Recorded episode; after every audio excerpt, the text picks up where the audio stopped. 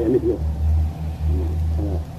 ذات يوم الراوي عنه كنت عنده فسمع الأذان فقال كما يقول المؤذن وأخبر أن النبي كان يأمر بذلك صلى الله عليه وسلم. وفيه ذكر الحلقة الحلقة في الحي على ولمسلم عن عمر مثل ذلك. كان لا المؤلف يقول مسلم عن عمر مرفوعا. سقط له مرفوعا أو عن النبي صلى الله عليه وسلم. سامح العبارة. وهو حديث عن عمر مرفوعا مو عن عمر من كلام من بل من ارشاد النبي صلى الله عليه وسلم قال إذا قال المؤذن الله أكبر الله أكبر فقال المسلم قال عبد الله أكبر الله أكبر. قال المؤذن اشهد أن لا إله إلا الله قال ما تشهد أن لا إلى اخره حتى قال فإذا قال المؤذن حي على الصلاة حي قال لا حول ولا قوة إلا بالله. ثم قال الله أكبر قال الله أكبر الله ثم قال لا إله إلا الله قال لا إله إلا من قلبه دخل الجنة. المؤلف ساقه يعني كان كان أكمل. يقول صلى الله عليه وسلم إذا قال لا إله إلا من قلبه دخل الجنه وهذا فضل عظيم. والحديث الثلاثه حديث أبي سعيد ومعاوية وعمر كلها تدل على فضل إجابة المؤذن. وانه يشرع إجابة المؤذن فيتأكد ذلك. حتى لا يفوت المؤمن هذا الفضل العظيم بهذه بهذه الأذكار العظيمة. وفي رواية أنه قيل يا رسول الله إن المؤذنين يغفلوننا قال قولوا مثل ما يقولون. ثم سأل الله. فلا ينبغي المؤمن أن يقبله المؤذن بل ينبغي أن يقول مثل ما يقول المؤذن حتى يشاركه في هذا الخير. في الصحيح من صحيح مسلم من حديث عبد الله بن عمرو بن العاص رضي الله عنهما النبي عليه الصلاة والسلام قال اذا كان المؤذن فقولوا مثل ما يقول. ثم صلوا علي. فانه من صلى عليه الصلاة والسلام صلى الله عليه بها عشرا ثم سال الله الوسيله بين منزلته في الجنة لا تنبغي اذا عبد من عباد الله وأرجو أن اكون أنا هو ومن سال الوسيلة حلت له الشفاعة. هذا الحديث فيه زياده ولو ساقه المؤلف هنا وكان أيضا مناسبا. لما فيه من ذكر الصلاه عنه بعد الإجابة. ثم الاتيان بهذا الدعاء. حديث الذي يأتيكم. من قال حين يسمع النداء اللهم رب هذه الدعوه التامه والصلاة القائمة. آت محمد الوسيلة والفضيلة. لكن مقام حين وعدته رواه البخاري. لكن مقام وعدته حلت له شفاعه يوم القيامة. هذا لو كان معه هنا لكان انسب المقام يكون احاديث الأمام مجموعه في محل واحد. وهذه الأحاديث كلها تدل على فضل اجابه المؤذن وأن إجابته من أسباب دخول الجنة وأيضا من أسباب حصول الشفاعة. شفاعة النبي صلى الله عليه وسلم في هذا القائل. وأن السنة يقول كما يقول المؤذن. سواء بسواء. إلا في الحي على فين؟ فيقول لا حول ولا قوة إلا بالله. وجه ذلك أن الحي على دعاء. للحضور فلم يناسب أن يقول مثل قول المؤذن بل يأتي بأمر آخر. وهو لا حول ولا قوة إلا بالله. لأنه لا يدري وليس له قوة على الحضور إلا بالله. هو مدعو مع مدعو حي على الصلاة حي على فهو مدعو فناسب أن يقول لا حول ولا قوة إلا بالله. يعني لا حول لي ولا قوة على الحضور وإجابة هذا المنادي إلا بها يرى ولهذا كانت الكلمة بدل الحياة مناسبة في محلها جدا. وهذه كلمة كانت عظيمة لا حول ولا قوة إلا بالله كلمة عظيمة. قال فيها النبي صلى الله عليه وسلم كنز من هنود الجنة متفق عليه حديث موسى.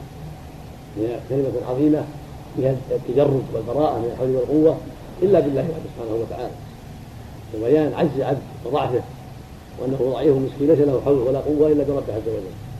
كما لا حول لي على شيء من طاعة ولا ترك معصية ولا أي شيء ولا قوة لي على ذلك إلا بالله سبحانه وتعالى.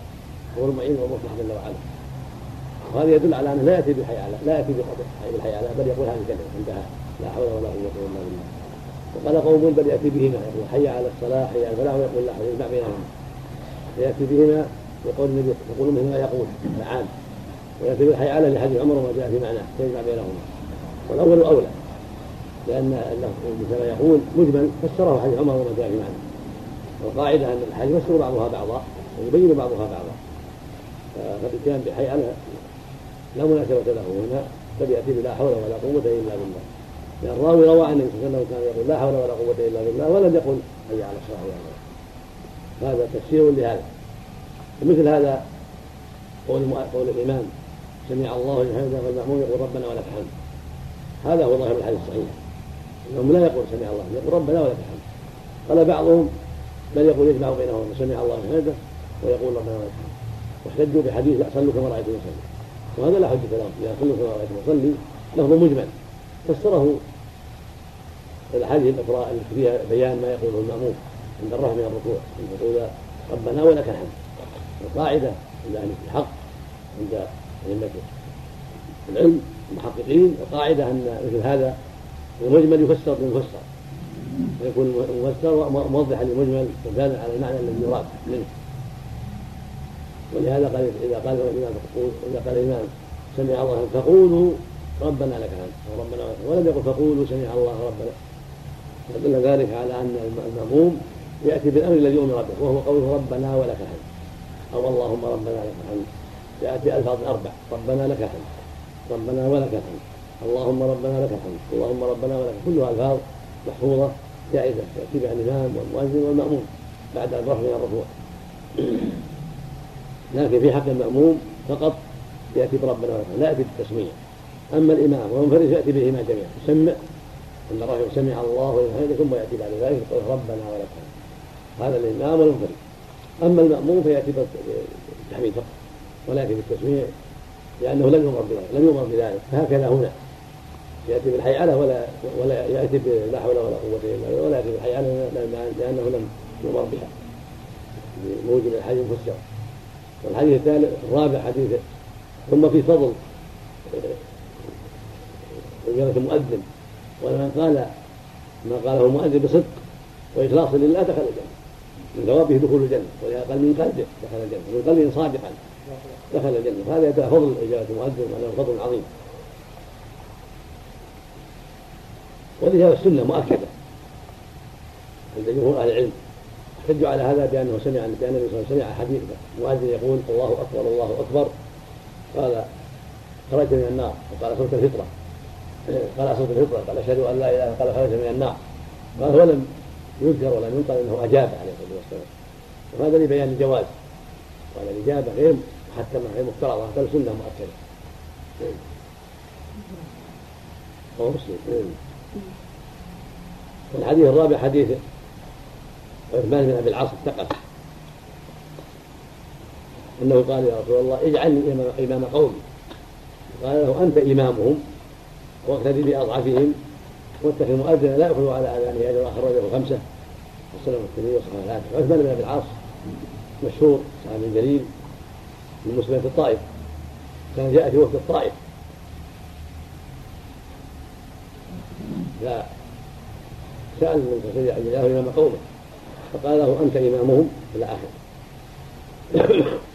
وفي هذا الحديث فوائد. منها جواز سؤال الولاية إذا كان لقصد صالح. والأصل لا لا تسأل الولاية. الإمارة ونحوها.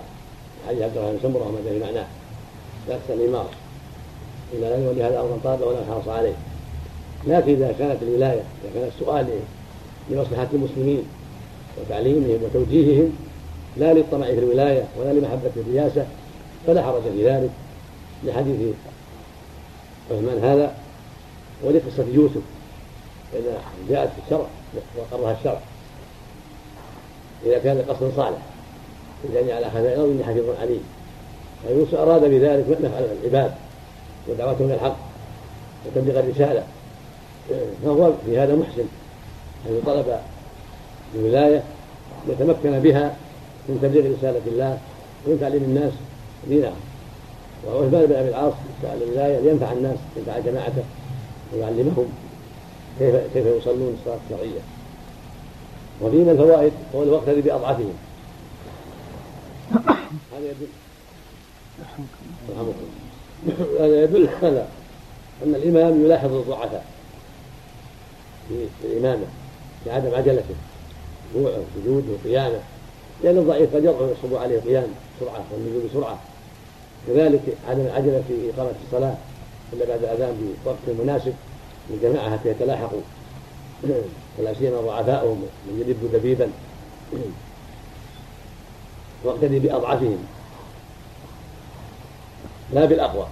واتخذ مؤذنا ويؤخذ من ذلك مراعاة الضعفاء في مسائل أخرى يبدأ بأضعف الصلاة التي عمد الإسلام يطلب فيها العناية بوقتها وحالة الجماعة ونحو ذلك فيقتدى بالأضعف في الرفق بهم وعدم فعل ما يشق عليهم. فكذلك في مسائل أخرى وقد جاء في الحديث الصحيح أنه قال عليه الصلاة والسلام هل تنصرون أو ترزقون إلا بضعفائكم بصلاتهم ودعائهم أو كما قال عليه الصلاة والسلام.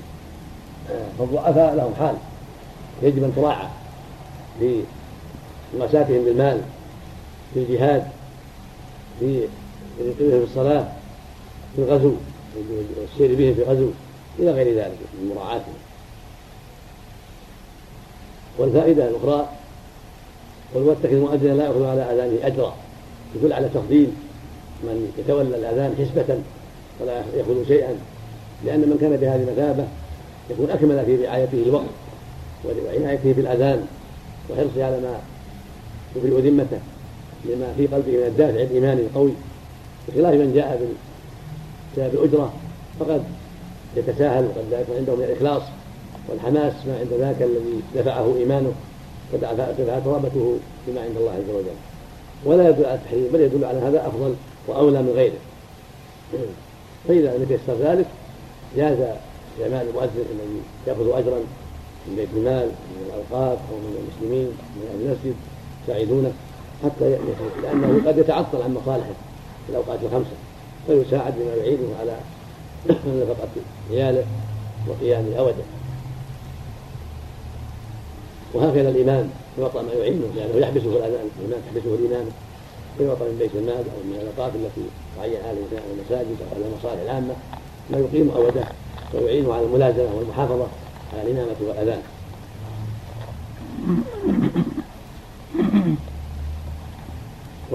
ويمكن أن يقال أيضا أن ما يدفع إلى الإنسان بيت المال غير داخل في هذا الحديث فإنه حق له في بيت المال وأسابه كما يعطى المدرس والمجاهد من بيت المال ما يعينه وليس من باب الأجر بل لانها حق في بيت المال.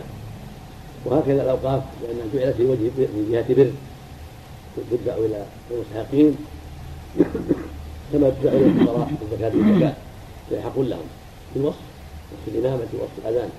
بخلاف ما إذا استاجروه وتعاقدوا معه على ان يؤذن لهم بكذا وكذا. هذا هو الذي ينطبق عليه الاستئجار انطباقا تاما. الحديث الخامس حديث مالك بن حويرث الليثي رضي الله عنه. النبي عليه السلام قال في حضرة الصلاة فليؤذن أحدكم. مالك هذا جاء وافدا. صلى الله عليه وسلم في جماعة نحو العشرين من شباب بني ليث. فعلمهم النبي صلى الله عليه وسلم ووجههم وأقاموا نحو العشرين ليلة فلما رآنا قد اشتقنا إلى أهلنا لأن رفيقا رحيما رفيقا رحيما. أمرنا أن نرجع إلى أهلنا ونعلمهم ونأمرهم. وقال إذا حضر الصلاة فليؤدي لكم حق أحدكم وليؤمكم أخبركم قال ارجعوا إلى فعلموهم وضروهم كما جاء في رواية البخاري وغيره.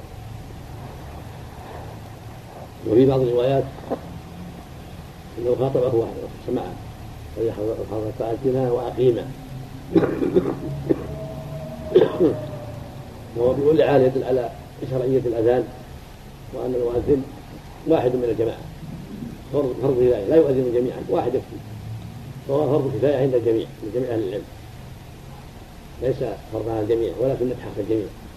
هو فرض كفاية أو سنة كفاية حق الجميع فإذا قام فيه واحد عصرت السنة أو حصلت الفرضية والأظهر أنه فرض كما قاله جمع من العلم.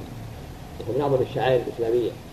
ويقاتل في بابها اجمعوا على تركه حتى يستقيموا فإذا قام به واحد من الجماعة من 100 ومن أكثر حصل به المقصود في إعلان في الإعلان بالوقت وفي الدعوة إلى الصلاة. وإذا كان لا يكفي واحد تباعد البلد تباعد أطرافها جعل اثنان ثلاثة واربعه على حسب حال البلد وعلى حسب المساجد التي فيها. لتبليغهم دعوة الصلاة ولإعلامهم بحضور الوقت. والله سبحانه وتعالى أحسن. طلب العلم. الصلاة خير من النوم. ماذا يقول؟ يقول مثل ما يقول والزيادة ما جاء عن النبي صلى الله عليه وسلم يقول بشيء أن يقول شيئا آخر فدل ذلك على أنه يقول مثل ما يقول الصلاة خير من الزيادة التي يذكرها بعضهم. هذا فيه صدقة وبر نعم. هذا من كلام بعض الفقهاء. في هذا لأن كلمة جملة خبرية صادقة فيقال فيها صدقة لكن هذا معارض يقول فقولوا مثل ما يقول. فيقال نعم الصلاة كلام حق. الصلاة كلام نعم. إجابة المؤذن. إذا كان يشفي كلمتين مثلا. الله أكبر الله أكبر. إجابة. أو غيرها سواء وقع على كل جملة أو أو جماعة نعم. فجمعهما يجمع المجيب وهو يعني في هذه المثلية في الاصطفاء وما المقصود؟ ليس يعني كلام لعل الأفضل الجزم. وعدم الجمع والأذان جزم والسلام جزم والتكبير جزم. هذا معروف عند السلف الأولى والأفضل الجزم. مما يثبت.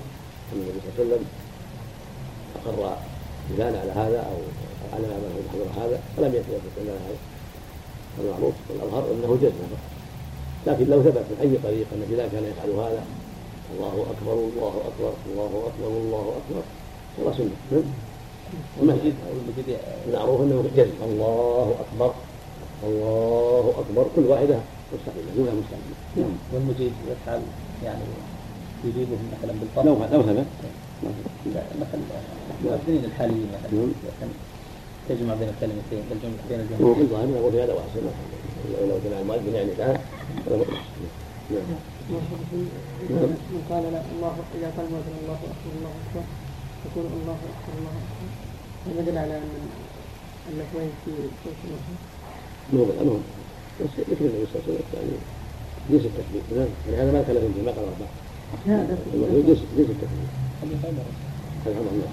جنس التكبير وهو مراد أن يجمعها جميعا نعم. لفظ ليس بصريح أو ليس بصريح هذا. لا يضم الراء الأولى. المقصود ضم الراء الأولى أكبر الله هذا المقصود أصل الجزم الله أكبر. جزم نعم. وإذا كان في قضاء أيضا أكمل في البلاغ.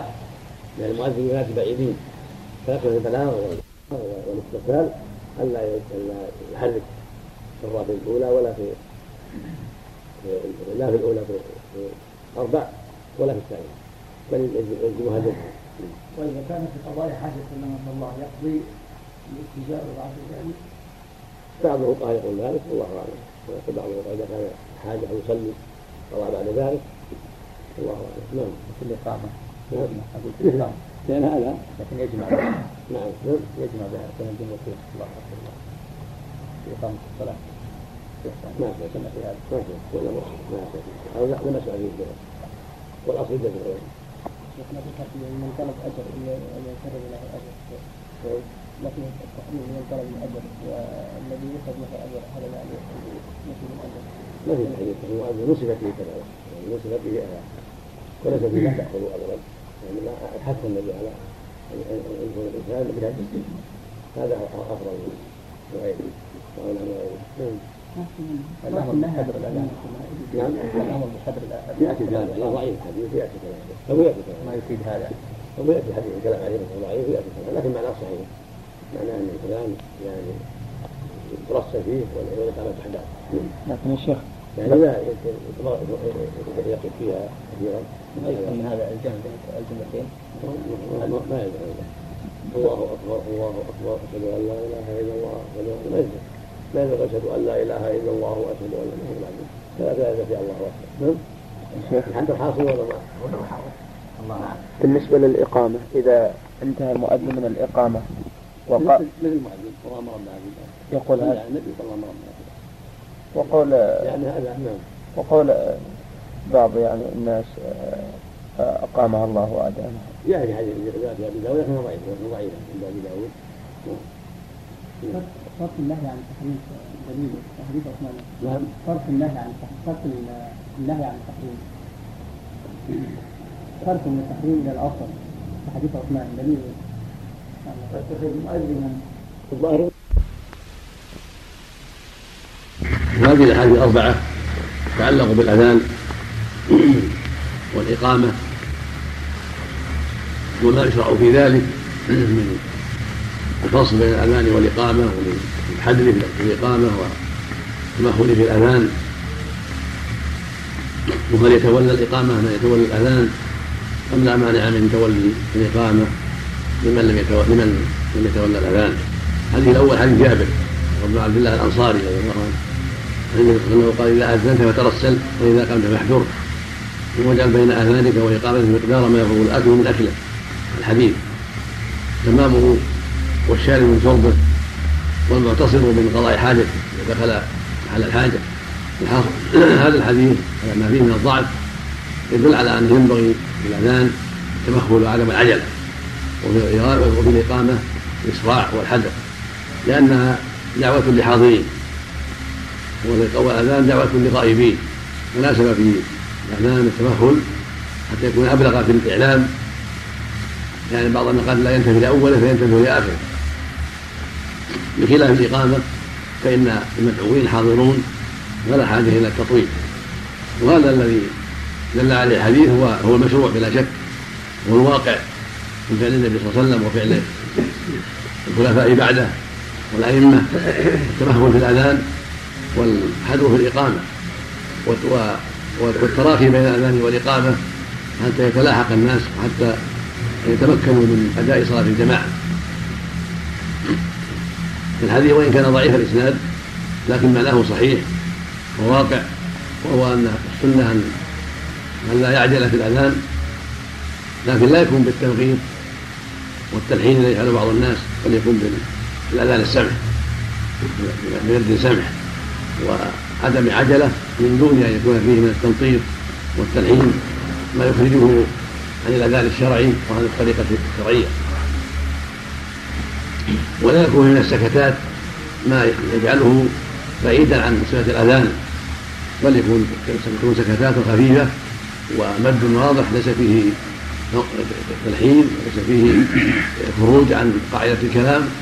هذا هو هذا هو المطلوب. وأما الإقامة فهي دعوة للحاضرين فناسب فناسب أن تحجر يعني ألا يكون فيها سكتات ولا تطويل لأنها دعوة لقوم الحاضرين. واما ما ما يمكن بينهما فقد دل النبي صلى الله عليه وسلم على ما ينبغي في هذا وان السنة عدم العجلة بل يتأنى هذا الأذان حتى يتمكن من في الحمام من قرار وضوءه صاحب الحاجة من قضاء حاجته وما أشبه ذلك. الفجر يؤذن بعد طلوع الفجر ثم يصلي النبي صلى الله عليه وسلم سنة الفجر. ثم يطلع على شقه الأيمن وربما تحدث مع عائشة فيأتي بلال فيؤذنه يعني أن الناس قد تجمعوا وحضروا فيقيم عليه الصلاة والسلام. تقدم لكم في الأحاديث. كان ينفتح الصلاة حين يدهر من جليسه في الفجر. فقام الفجر حين شق الفجر والناس لا يعرفون بعضهم بعضا. كان في المغرب وهو اعجل ما كان في المغرب. يقيم إلا بعد الأذان بقليل. كان الناس يصلون ركعتين بعد الأذان.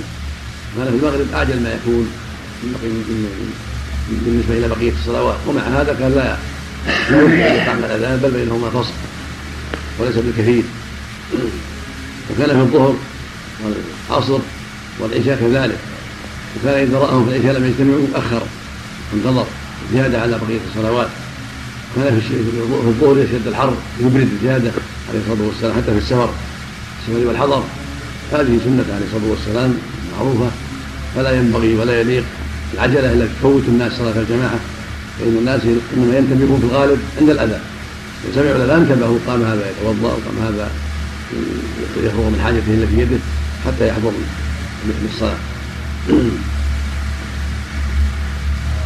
والحديث الثاني حديث أبي هريرة رضي الله عنه النبي صلى الله عليه وسلم إنه قال لا يؤذن متوضئ لا يؤذن يحتمل أنه نهي.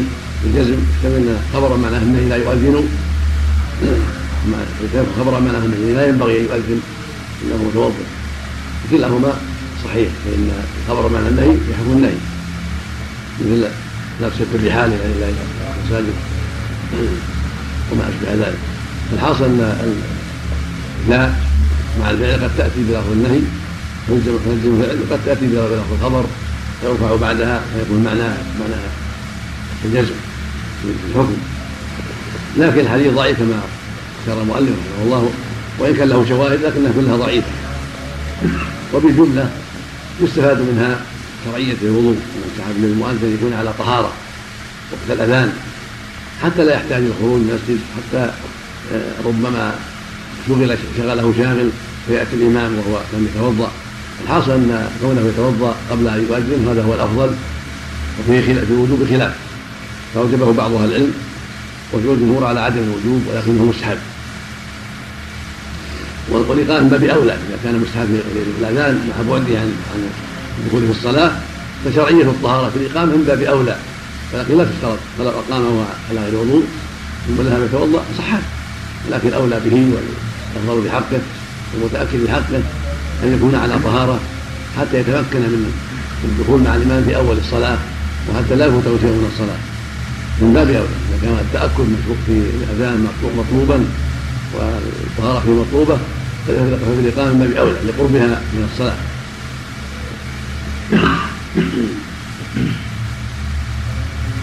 الحديث الثالث حديث حديث زياد بن الحارث السلائي كان مع النبي في بعض اسفاره فلما طلع الفجر أمره النبي بالاذان فأذن. فأراد أن يقيم بلال فقال إن أخا سلا قد أذن ومن أذن فهو يقيم. لكنه ضعيف الاسناد كما قال المؤلف رحمه الله ولو صح لكان دالا على أن الأفضل يتولى الإقامة ولا الاذان لكن هذا يؤخذ من فعل بلال وهي محذورة بفعل واقع. فإنهم كانوا يؤذنون ويقيمون. هذا هو الأفضل يتولى الإقامة وأن تولى الأذان. ولكن ليس على سبيل الوجوب بل الأمر في هذا واسع. هو الأفضل والاولى أن يلاحظ الاقامه كما لاحظ الأذان ويتولاهما جميعا حتى لا يختل نظام الأمر حتى لا يقع تفريط في الاقامه ولكن لو أقام غيره فلا بأس. كما هو الأصل. من الأصل جواز. هذا من شخص وهذا من هذا هو الأصل. فلا يجد شيء إلا بحجة واضحة. وليس هناك حجة واضحة ولا دليل صحيح يوجب أن يتولاهما واحد إنما هذا هو الأفضل كما هو الواقع من فعل بلال وفعل أبي محذورة وغيرهم من المؤذنين. ويعارضه عبد الله بن زيد بن عبد ربه الأنصاري رضي الله عنه عند أبي داود إنه قال أنا كنت أنا رأيته وأنا كنت أريده من الاذان قال باق عنه فيعارض روايه زياد بن علي السودائي وكلاهما ضعيف. فلا تقل حجه لا بهذا ولا بهذا. فإن قيل لما لماذا اعتنى مؤلف بذكر هذه الأحاديث مع ضعفها؟ قيل ليعلم ما ورد في ذلك. الجواب ليعلم على طالب العلم ما ورد في هذا وليكون على بينة.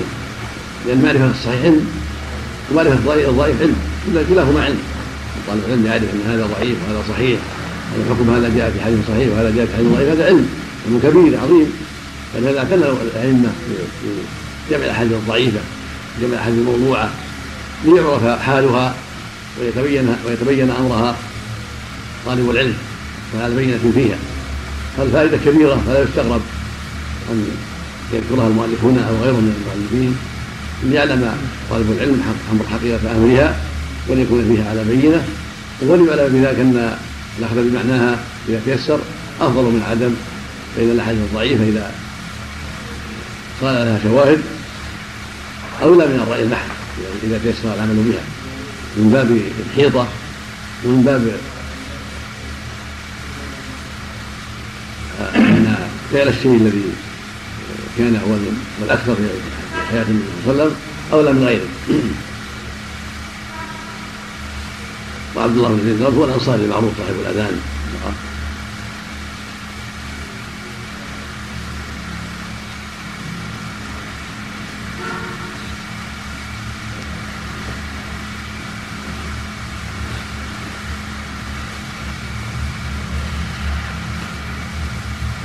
يأتي بقيه من هذا إن شاء الله. الله اعلم نعم. هل دعاء خاص بعد الاقامه؟ هل ثبت دعاء خاص بعد الإقامة؟ ما ما أعرف. لكن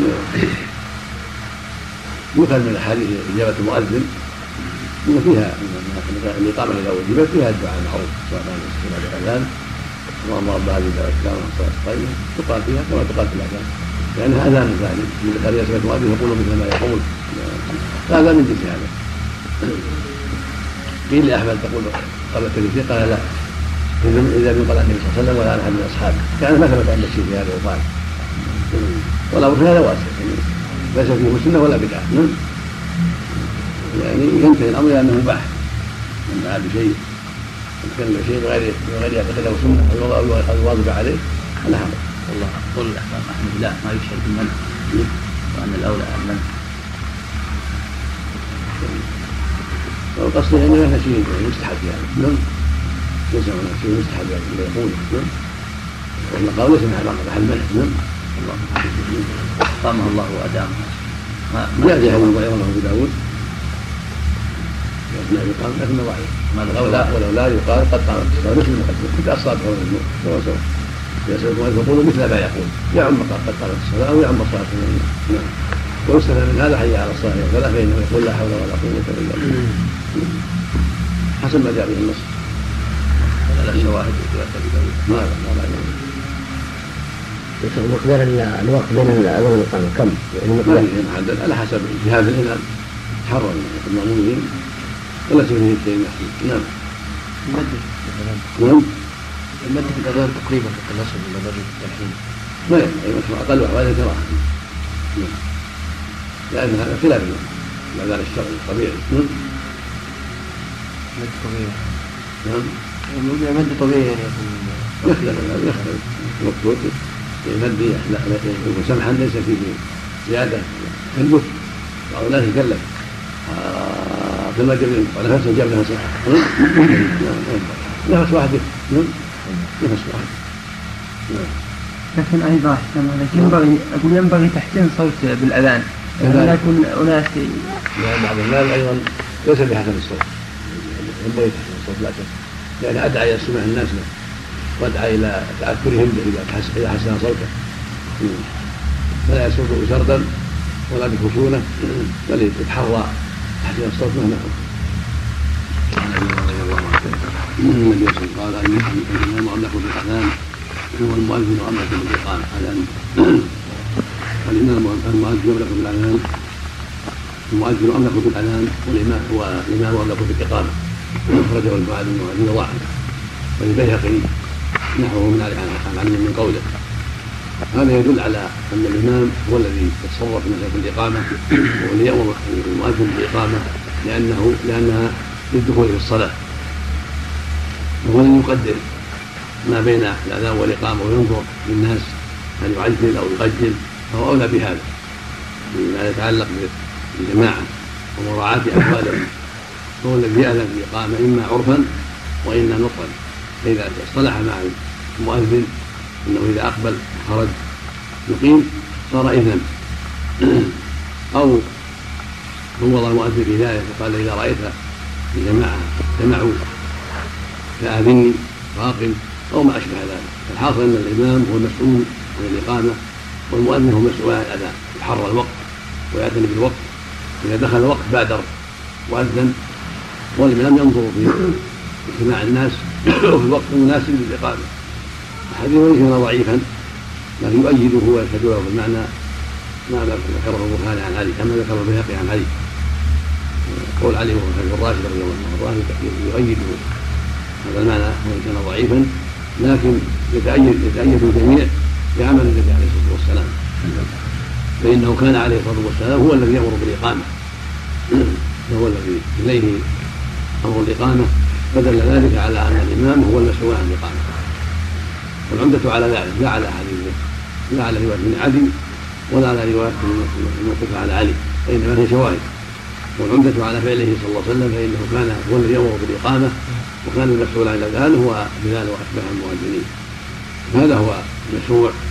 يكون الإمام هو الذي يتحرى وقت الإقامة وينظر في في في فيقدم إذا رأى التقديم ويؤخر إذا رأى التأخير مراعاة لمصلحة الإسلامية الشرعية في ذلك. ولا مانع من أن يجعل عند المؤذن أمارة يعتمدها في الإقامة. والسنة أن لا يقوم الناس إذا أقيمت الصلاة حتى يروا الإمام قد خرج كما أمر به النبي صلى الله عليه وسلم.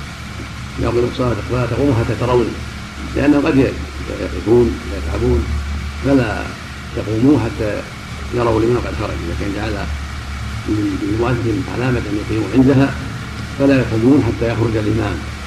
كان النبي صلى الله عليه وسلم قريبا منزل حول حول المسجد. وبابه مشرع المسجد جامع عائشة رضي الله عنها. أخرى فكان صلى الله عليه وسلم إذا خرج رآه الناس فقاموا وربما أقام بلال قبل أن يخرج بما جعل عنده من الإذن والأمارة التي يستقيم عليها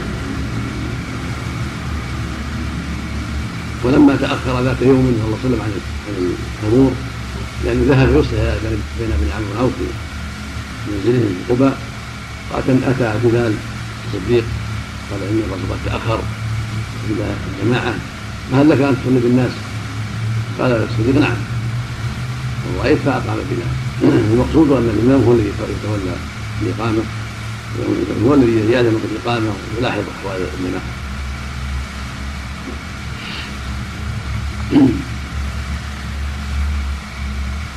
الحديث الثاني الحديث أنس بن مالك رضي الله عنه وأرضاه.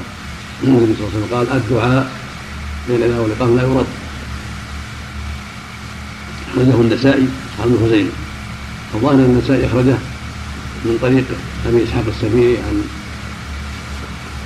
بريد بن أبي مريم السلولي عن أنس اسناد جيد ولهذا صححه ابن خزيمة. وهكذا في صحيح ابن خزيمة من هذا الطريق. خرجه ابن حبان أيضا من هذا الطريق. وجيد الاسناد من هذا الطريق. خرجه أبو داود والترمذي رحمه الله عليهما بطريق آخر. من طريق زيد العنمي عن أبي إياس ومعاويه بن قرة المزني عن أنس. وفيه ضعف من ابي زيد العنمي فانه ضعف في الحديث. فكان الاسنادان يشد أحدهما الآخر ويقوي أحدهما الآخر أحدهما الآخر مع أن إسناد أبي إسحاق جيد جدا ولعل المؤلف اقتصر على النسائي وابن خزيمة لأن سندهما أصح. ولم يذكر أبا داود والترمذي.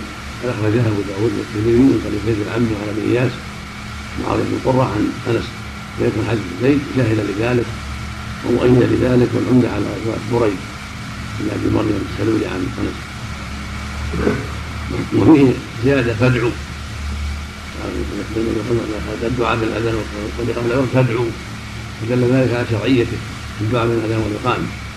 ويستحب الدعاء في هذا الوقت وأنه صاحبه حري بالإجابة. الوقت يستجاب الدعاء بين الاذان والإقامة. ويشرع للمؤمن بين الاذان والإقامة يكثر من الدعاء وجاء ان تجاب دعوه في هذا الحديث الصحيح.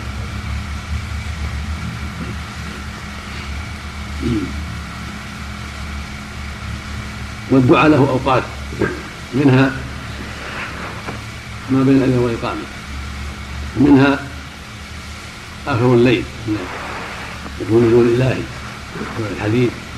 ينزل ربنا سبحانه كل إحنا يقاتلون في الليل الآخر فيقول من يدعوني فأستجيب له من يسألني فأعطيه من فاغفر له حتى ينفجر الختم هذا الوقت العظيم من أفضل الأوقات وأهمها وأرجاها للاجابه إنه قد خرجه الشيخان الصحيحين عن أبي هريرة رضي الله عنه وله شواهد. وهو حديث عظيم وهو دال على أن آخر الليل الثلث الأخير وقت تستجاب فيه الدعوات. وينبغي فيه الدعاء والاستغفار والإنابة إلى الله والتوبة إليه سبحانه وتعالى. وتحري هذا الوقت العظيم الذي فيه النزول الله. وهو نزول يليق بالله. لا يشابه خلقه في شيء من صفاته جل وعلا. كسائر الصفات. ليس كمثله شيء وهو السميع سبحانه وتعالى. ومنها آخر الصلاة. النبي صلى الله عليه وسلم قال حديث مسعود لما علم الشهر قال ثم لك خير الدعاء أعجب ذلك يدعو ثم يختم من المساء ما شاء وقت دعاء ينبغي فيه الدعاء. قبل أن يسلم آخر الصلاة منها السجود الموضع الرابع الدعاء. ينبغي فيه الإكثار من الدعاء. الفريضة والنافلة جميعا. قال النبي صلى الله عليه وسلم أما الركوع فعظموا فيه الركع وأما السجود فاجتهدوا في الدعاء. فقام أن يستجاب لكم من حال أن يستجاب لكم رواه مسلم. صحيح. وروى مسلم أيضا عن أبي هريره رضي الله عنه. النبي صلى الله عليه وسلم قال اقرب ما يكون عبد من ربه وهو ساجد فاكثر الدعاء. فكون اقرب ما يكون عبد من ربه وهو ساجد فاكثر الدعاء. يدل على أن هذا الوقت وقت عظيم. يعني حري بأن تجاب فيه الدعوات. ووقت ذل. هذا قرب قرب خاص. قرب الذل والخضوع بين يدي الله. ساجد بغايه من الذل لله. وضع وجهه الذي هو اشرف اعضائه الظاهرة وضعه في الأرض. ذلا لله خضوعا لله وطلبا لمرضاته هو حري بالإجابة في هذه الحال فينبغي الإكثار من الدعاء فيما فيه صلاحك وصلاح إخوانك المسلمين. ومنها يوم الجمعة فإن فيها ساعة لا يرد فيها سائل. ينبغي الإكثار فيها من الدعاء. يوم الجمعة يوم عظيم ولا سيما عند جلوس الامام على المنبر الجلس في الخطبة إلى أن تقرأ الصلاة. وكذا بعد العصر إلى غروب الشمس. هذا الوقت الاحرى الأوقات في الجمعة في الدعاء. فينبغي الإكثار من الدعاء في هذه الأوقات وفي جميع الأوقات أيضا. الدعاء مطلوب دائما.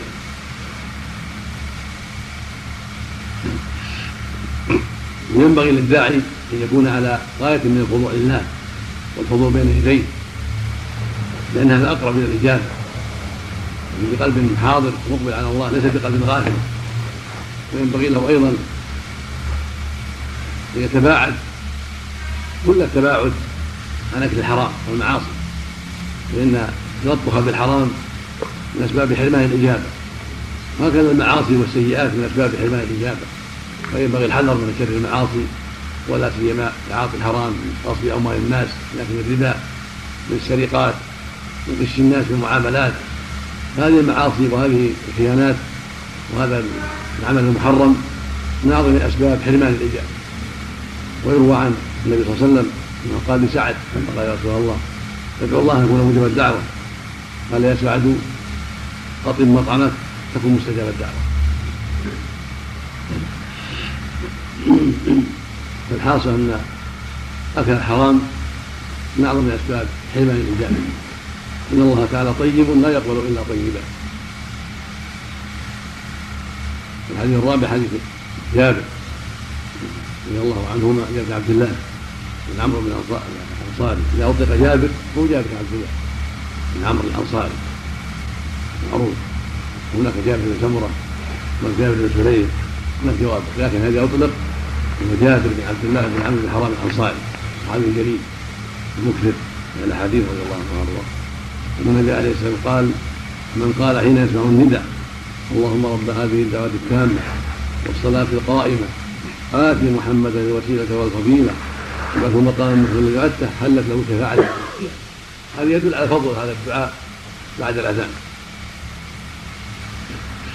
وتقدمت الإشارة إلى ما رواه مسلم في الصحيح من حديث عبد الله بن عمرو بن العاص رضي الله تعالى عنهما النبي صلى الله عليه وسلم قال إذا سمعت مؤذن فقولوا مثل ما يقول. ثم صلوا علي. فإنه من صلى عليه صلاة واحدة صلى الله عليه بها عشرة. ثم سألوا الله الوسيلة فإن منزلته في الجنة. لا تنبغي إلى عبد من عباد الله فأرجو أن أكون أنا هو. فمن سأل للوسيلة حلت له الشفاعة. هذا أيضا يؤيد حديث جابر. وكلاهما في الصحيح مسلم. هذا حلت له الشفاعة. حديث جابر حلت له شفاعته يوم القيامة. فيه دلالة على أن السنة يصلي على النبي قبل قبل الدعاء. فرغ من الأذان لا إله إلا الله من المؤذن. يقول بعدها اللهم صل وسلم على رسول الله وصلى الله وسلم على رسول الله. ثم يقول بعد اللهم رب هذه الدعوة التامة. تامة يعني غير الناقصه دعوة عظيمة تامة فيها خير عظيم دعوة الأذان. صلاة القائمة التي قد دنا قيامها. آتي محمد نبينا محمد عليه الصلاة والسلام. الوسيلة والفضيلة. هذه منزلة في الجنة كما قال عبد الله بن عمر منزلة رفيعة تحت العرش في أعلى الجنة. لا تنبغي إلا عبد من عباد الله الا عبد خاص من عباد الله. قال النبي وارجو أن أكون أنا هو وهو عليه الصلاة والسلام. ومن سأل من سأل الله الوسيلة حلت له يوم القيامة هذا يدل على أنه ينبغي أن يدعى له بهذه الدعوة عليه الصلاة والسلام فهو أولى الناس بها وأحراهم بها عليه الصلاة والسلام. وهو أشرف الناس وأفضلهم. صلى الله وسلم عليه وعلى آله وأصحابه. بعض الناس يزيد فيها والدرجة الرفيعة هذا غلط. ليس لهذه الزيادة أصل فإن الدرجة الرفيعة هي هي الوسيلة والفضيلة. هي نفس فظن هذا الزائد أنها في الحديث وليس الأمر كذلك. بل نفس الدرجة الرفيعة هي المنزلة. هي التي سماها النبي وسيلة والفضيلة فلا يزال فيها أكثر من لأن هذا هو تفسيرها. بل هذا غلط وقع في بعض الكتب وقع عن بعض الناس. وما أعلم له أصلا في الرواية. والمؤلف رحمه الله عزاه الأربعة. من هم الأربعة؟ أبو داود. نعم. أبو داود. ومن والد أهل السنن نعم. وهذا يعني غريب من المؤلف. مع حفظه العظيم. فالحديث خرجه البخاري في الصحيح أيضا. وهو الصواب يقال أخرجه البخاري والأربعة. الحديث من ما رواه البخاري الصحيح وإن زاد أنه يعلق عليه وقد أخرجه البخاري في تقدم في حديث عمر إن المؤذن إذا قال مثل قول المؤذن إن المجيب إذا قال مثل قول المؤذن كلمة كلمه حتى يقول لا إله إلا الله من قلبه دخل الجنة. هذا يدل على فضل إجابة المؤذن وانه أن فضله عظيم. وأن صاحبه موعود في الجنة. إذا قال مثل المؤذن صادقا من قلبه مخلصا لله عز وجل. شرط الميراث عدم الميراث. من عدم وجود شروط الدعوة عدم الدعوة وهكذا. مراد هنا الشروط التي بوجودها تصح الصلاة وبعدم واحد منها تفسد الصلاة.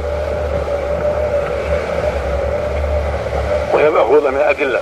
الآيات والأحاديث مستنبطة ومستقرأة من الأدلة وبسبب الاستقراء والتتبع تجتمع هذه الشروط. وجملتها تسعة كما بين الفقهاء في كتبهم. ولك أن تختصر وتقول ستة لأن الإسلام والعقل والتمييز ليس خاصا بالصلاة. بل هو بل يشرط في عبادات أخرى. فإذا أردت الصلاة وحدها قلت ستة. وإذا أردت العموم وترك العبادات دخل فيها شروط أخرى كلام الإسلام والعقل والتمييز.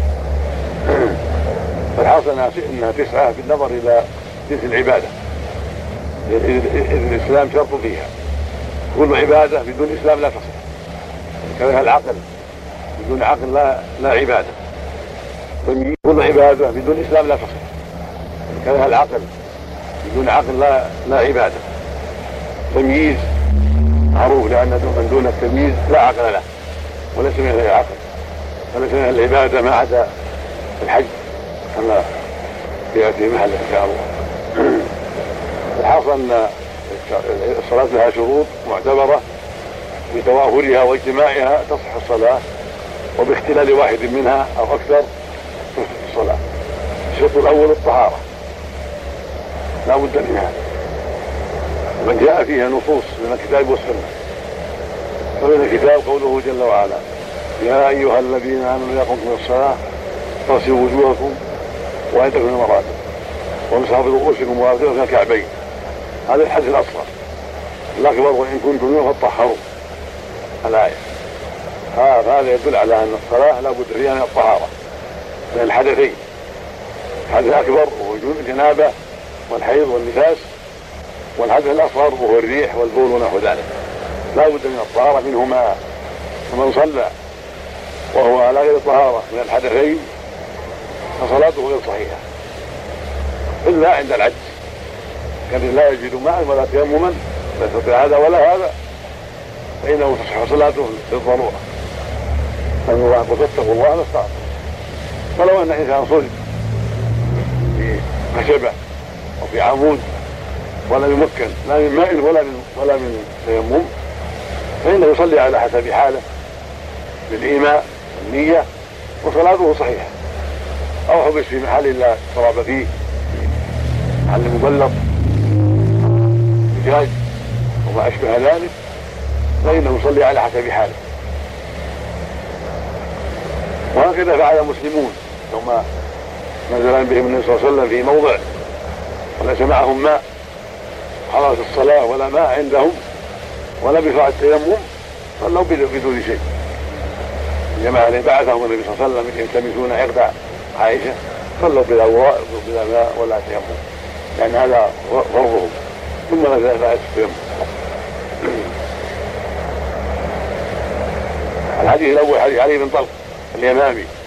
النبي عليه الصلاة والسلام قال إذا فسى احدهم الصلاة فلينصرف وليتوضأ وليعيد الصلاة.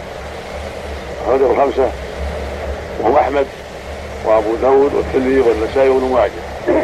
وصحابه ابن حبان هذا يدل على أن الكساء يبطل الطهارة ويبطل الصلاة. لأنه إذا فتى بطلت طهارته ثم بذلك تبطل الصلاة. والفسى هو الخروج والخارج كما هو معروف من الريح بدون صوت. فإن كان معه صوت فهو الضراب من الحديث. أن الشيطان إذا سمع النداء أدبر وله ضراب. يعني صوت من خارج دبره. حتى لا يسمع التأذين وفي هذا الباب حديث أبي هريرة في الصحيحين. والنبي عليه الصلاة والسلام قال لا تقول صلاه احدكم اذا احدث حتى يتوضأ. متفق عليه.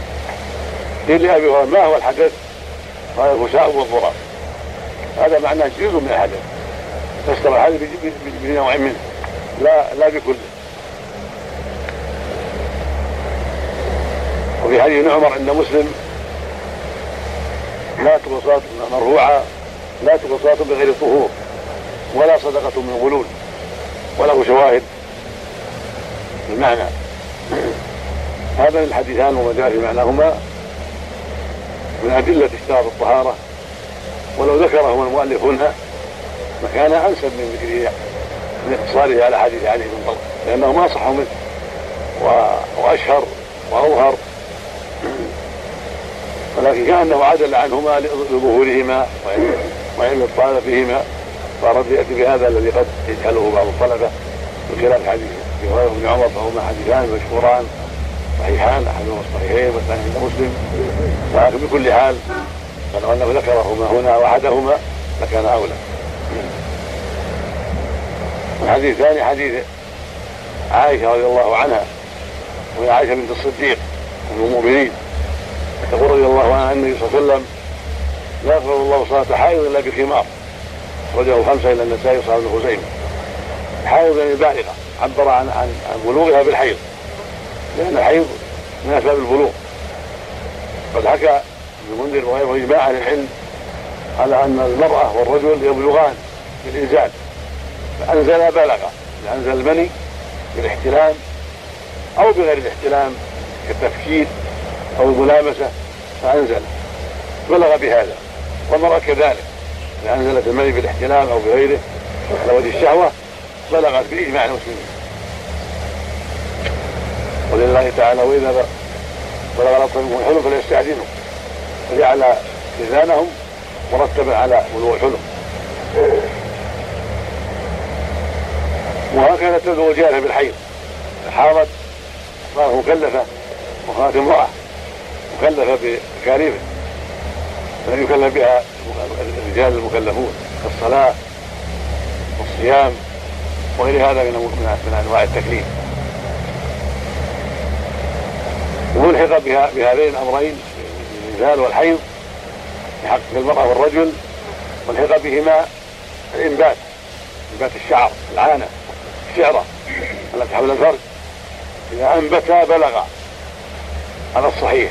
بخلاف هذا هو الصواب. احتج العلماء على ذلك بقصة بني قريظة. لما أنزله النبي صلى الله عليه وسلم نساء والقتل مقاتلة وسبب الذرية والنساء أمر أن تفتش مع الجور فما وجد قد قد أنبت فهو مع مع الرجال مع المقاتل يقتل. ووجد وجد ينبت فهو مع الذرية. والرابع في حق المرأة وهو الثالث في حق الرجل إكمال خمسة عشر سنة. وأيضا مسألة خلافية. الراجح أن أن خمسة عشر كافية. حج عليها بقصة ابن عمر. لما عرض عرض عن النبي صلى الله عليه وسلم الجهاد منعه من الجهاد. وعرض عليه يوم الخندق وأنا من خمسة عشر فأجازني دل على أن خمسة عشر من الرجال يقاتلون. فلم يجد ولم يرني بلغت حج بهذا على أن من كمل خمسة عشر سنة فقد هو من المكلفين.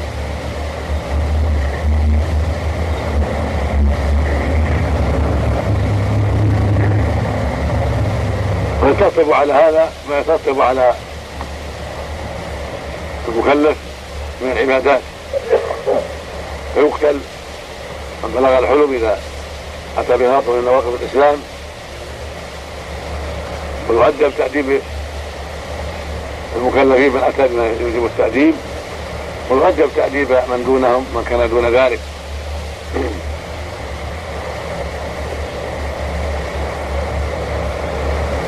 والأحكام المترتبه على ذلك كثيرة في كلام أهل العلم توجد في محلها ولا سيما في العبادات نواقض الإسلام وغير ذلك.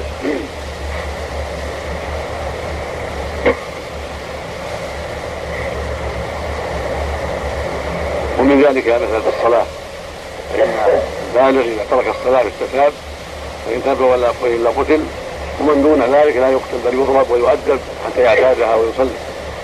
ويضرب إذا ترك الوضوء أو ترك التيمم عند الحاجة إليه. لقول النبي صلى الله عليه وسلم مروا أبناءكم الصلاة في سبع وأضربوا مال العشر وفرقوا بينهم المضاجع. وقال في المكلفين فإن تابوا وأقاموا الصلاة وآتوا الزكاة خلوا سبيلهم. دل على من لم يقم الصلاة لا يخلى سبيلهم بل يقاتلون.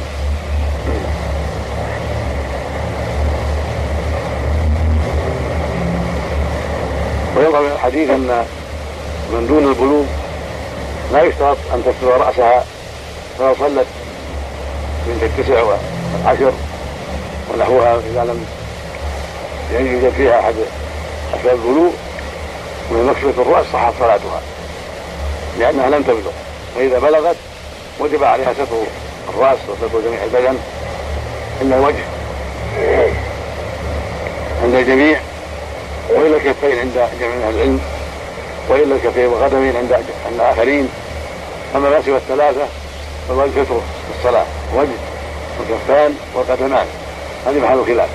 أما ما سوى ذلك فالوجه ستر في الصلاة. من الرأس الصدر الساق الذراع عند الجميع. في الصلاة إذا بلغت الأسباب التي تبلغ بها المرأة. وذهب جمع من العلم إلى أنه يجب عليها ستر الكفين أيضا والقدمين ولا يبقى إلا الوجه إذا لم يكن عندها أجنبي. فإن تصلي مكشوف الوجه هذه السنة. تصلي مكشوف الوجه في الفريضة والنافلة. إلا إن كان عندها أجنبي سترت وجهها في الصلاة.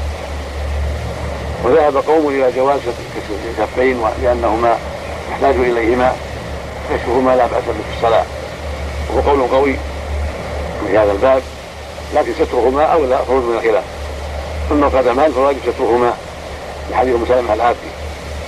انها قالت يا رسول الله افصل المرأة في دعي وخمار فقال عليه الصلاة والسلام إذا كانت بالسابقه ربي ظهر قدميها هذا هذه رواية أبي داود مرفوع بالرفع. ورجح الأئمة. من بعض الحديث وقفه على أم سلمة وأنه من توجيهها وكلامها لا من كلام النبي صلى الله عليه وسلم. سئل فيه سألها بعض الناس عن هذا فقالت اذا كانت بمسابها لغطي ظهور قدميها. هذا يدل على أن قدما أن القدمين يستران في الصلاة قدم المرأة. بالثوب السابق أو بالجوربين إذا كانت الدرع سابقا قميصها سابق أو جلبابها سابق كفى وإن كان في رجليها جورب كفى وذهب بعض أهل العلم إلى استثناء القدمين أيضا لأنهما يبرزان ويحتاج إليهما البروز فيعفى عنهما. كما مذهب بحديث والجماعه والأولى والأقرب سترهما بحديث أم سلمة هذا.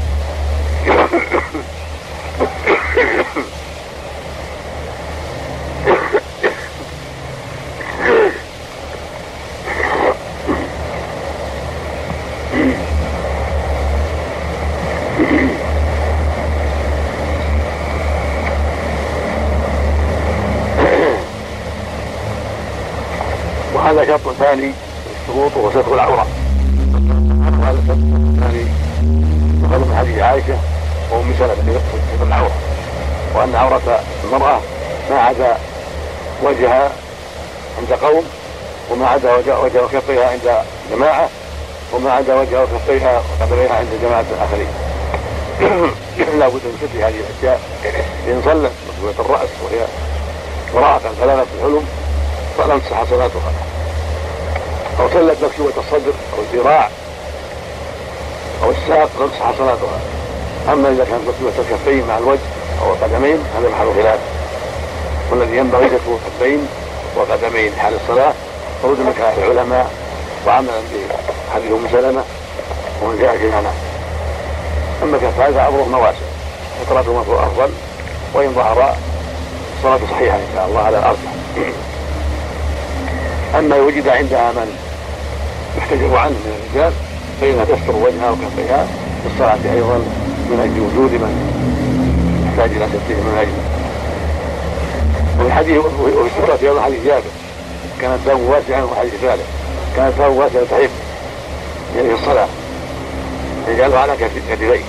وإن كان ضيقا فالتزرجه يجعله إزارا هذا يدل على أن الرجل يلزمه ستر العورة الغليظة بين السرة والركبة. هذه العورة يسترهما يستر الفخذ. والعورة إلى إلى السرة ولا يصلي مكشوف مكشوف ذلك. بالإزار أو بالسراويل. أو نحوها. أما إن كان عنده سعة فالمشروع يغطي كتفيه.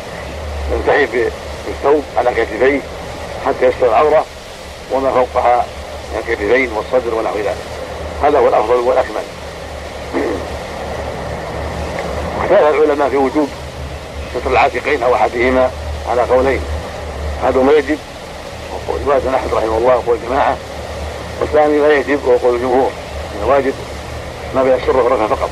وما سوى ذلك فهو مستحب وليس بواجب. يترك العاتقين أو احدهما مستحب. واحتجوا على شرعية ذلك في حديث أبي هريرة. لا يصلي أحد التوبه ليس على عاتقين شيء. قالوا هذا يدل على شرعية ستر العاتقين أو احدهما وليس على الوجوب. لوجود أدلة كثيره دلت على انها أنه صلى الله عليه وسلم كان يصلي ثوب واحد والثوب واحد بقطعه وهي الإزار. فجمعا بين الأخبار صلاته في ثوب واحد لبيان الجواز ونهيه عن الصلاه في ثوب ليس على عاتق شيء من لبيان الكمال والتمام. قال قوم يشترط هذا في الفريضة لا في النافلة. يستر العاتقين واحدهم في الفريضة لا في النفل لأن النفل محل التسامح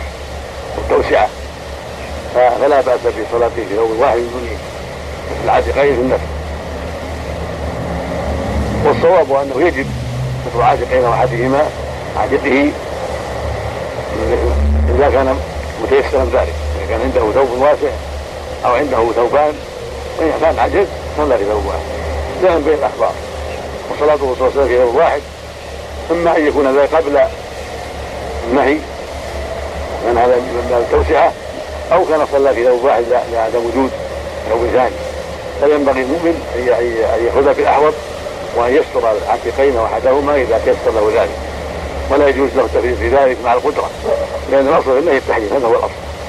النبي قال لا يصلي أحدهم هذا نهي واصله التحريم فلا ينبغي أن يخالف مع القدرة. أما مع العجز فلا حرج إذا صلى في قميص في في ازار أو في سراويل ليس على العاتق شيء عند العجز فالصلاه صحيحة عند الجميع عند جميع أهل العلم.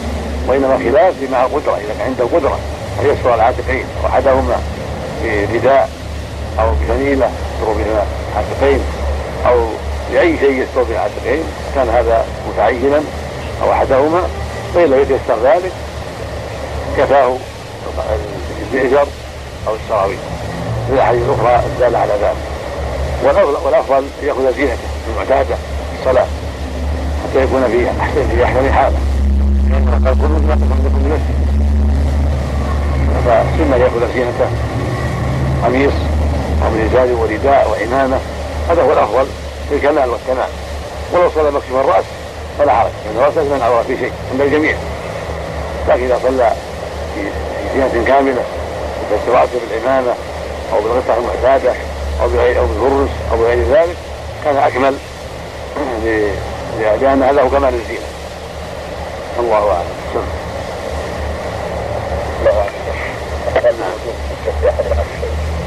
واظهر اظهر الحج بغير هذا لم يأتمن يأتمن صلاة صلاة عورة لا لا أقول به لكن الجمهور يرونه مستحب فقط يكثرون على مستحب نعم. جمعا بين الأخبار.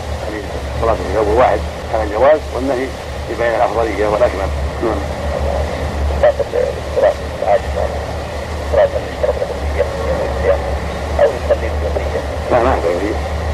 ما يحتاج ما فقد الماء نعم نعم بالنسبة لل يعني العورة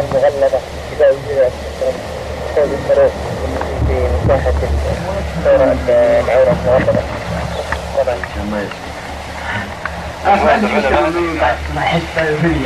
نحوش سطر السلام أما إذا كان يسير ولم يطول الفصل كفى عنه. انتبه له. في يسير انتبه له. وغطاه لا تبطل الصلاة. لأن هذا يعرض الناس يعني الناس الخطوط اليسيرة والطرق اليسيرة ولا سيما العمال والفقراء. الشيء اليسير الذي يعني لا يطول ينتبه له. ويستر بالعوام يعفى عنه. بخلاف ما إذا فحش كثيرا طال على الزمن ينبغي له الاعاده لأن مثل الشر. لهذا مزيد إن شاء الله في هذا البحث في درس التحقيق والاسناد نعم الله المرأة إذا كانت مكان المرأة إذا كانت مكان لا يراها أحد. سجنة قبل أن يخرج؟ هذا بحث بحث. هذا بحث يقول رحمه الله حافظ وعن ابي بن ربيعة. عن النبي صلى الله عليه وسلم أنه قال كنا مع النبي في سفر في ليلة مظلمه فاشكلت القبلة فصلينا. فلما أصبحنا علمنا أن صلينا إلى غير القبلة. فأنزل الله جل وعلا فاينما تولوا فتم وجه الله. خرجه الترمذي وضعفه. حديث هذا ضعيف عند أهل العلم ولكن معناه صحيح عندهم. فإن المؤمن ليس عليه إلا طاقته ووسعه فإذا اجتهد في طلب القبلة صحت صلاته وإن صلى إلى غيرها لأنه بذل ما عليه. والله يقول فاتقوا الله ما لا يكلف الله نفسا إلا وسعها. الحديث وإن كان ضعيفا لكنه يعضده عموم الأدلة والأصول المتبعة في الشريعة. فاتقوا الله ما استطعتم. والواجب على المسافر في حضرة الصلاة أن يجتهد ويتحرى قبلة وينظر في الوسائل التي تعينه على ذلك. ثم يصلي حسب اجتهاده. فإن ظهر بعد ذلك أنه صلى إلى غير قبلة أجزأته صلاته لأنه قد أدى ما عليه واجتهد. وقد ظهر منذ زمن هذه الآلة التي تستعمل البصلة استعانوا بها في معرفة القبلة. قد أخبرني جم الغفير الذين استعملوها أنها جيدة وأنها مفيدة جدا في هذا الباب. الحاصل أن أن أن المؤمن يجتهد سواء بالبصلة أو بغيرها يجتهد ويتحرى القبلة في المكان الذي حضر فيه الصلاة. فإذا فعل ما يلزم اجتهد فإنه يجزئه وإن ظهر أنه صلى إلى غير قبلة. والآية الكريمة من حيث العموم ظاهرة في هذا في من اجتهد وأدى ما عليه حيثما صلى هو قد صلى لله وإلى وجه الله. والوجه هنا يستعمل من على الجهة والجانب ويستعمل من الوجه الذي هو صفة. ويبقى وجه ربه الجلال والإكرام. كل شيء هالك إلا وجهه فالله يوصف بالوجه. لكن ليس كالوجوه فوجهه حق. وصفة حق يجب إثباتها لله وإظهارها كما جاءت كما نثبت لله اليد والقدم والأصابع والنفس والرحمة والغضب والرضا والعلم والكلام والسمع والبصر إلى غير ذلك. نثبتها لله كما جاءت بها النصوص ونمرها كما جاءت ونقول قراءتها تفسيرها ليست في حاجة إلى شيء آخر إنما نقرها ونمرها كما جاءت مع الإيمان بها وأنها حق وأنها صفات لله سبحانه وتعالى على الوجه الذي يليق به. لا يشابه فيها خلقه جل وعلا. ليس كمثله شيء وهو السميع البصير سبحانه وتعالى.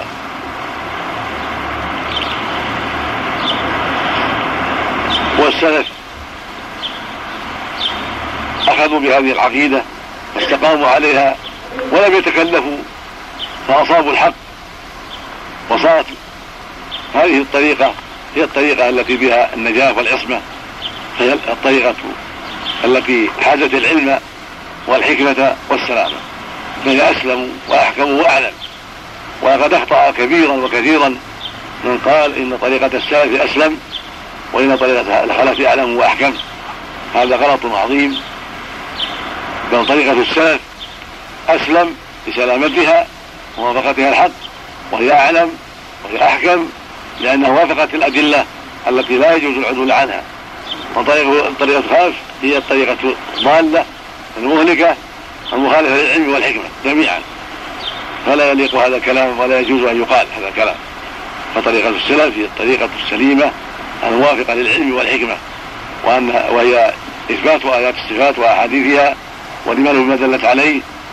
من من صفات وأسماء وإثباتها لله على وجه اللائق بالله إثباتا بلا تمثيل مع تنزيه الله عن مشابهة خلقه تنزيها بريئا من التعطيل. هكذا قال السلف الصالح من الصحابة ومن سلك سبيلهم رضي الله عنهم وقد أصابوا الحق ووفقوا للعلم والحكمة ودرجوا على الصواب الذي درج عليه الأنبياء.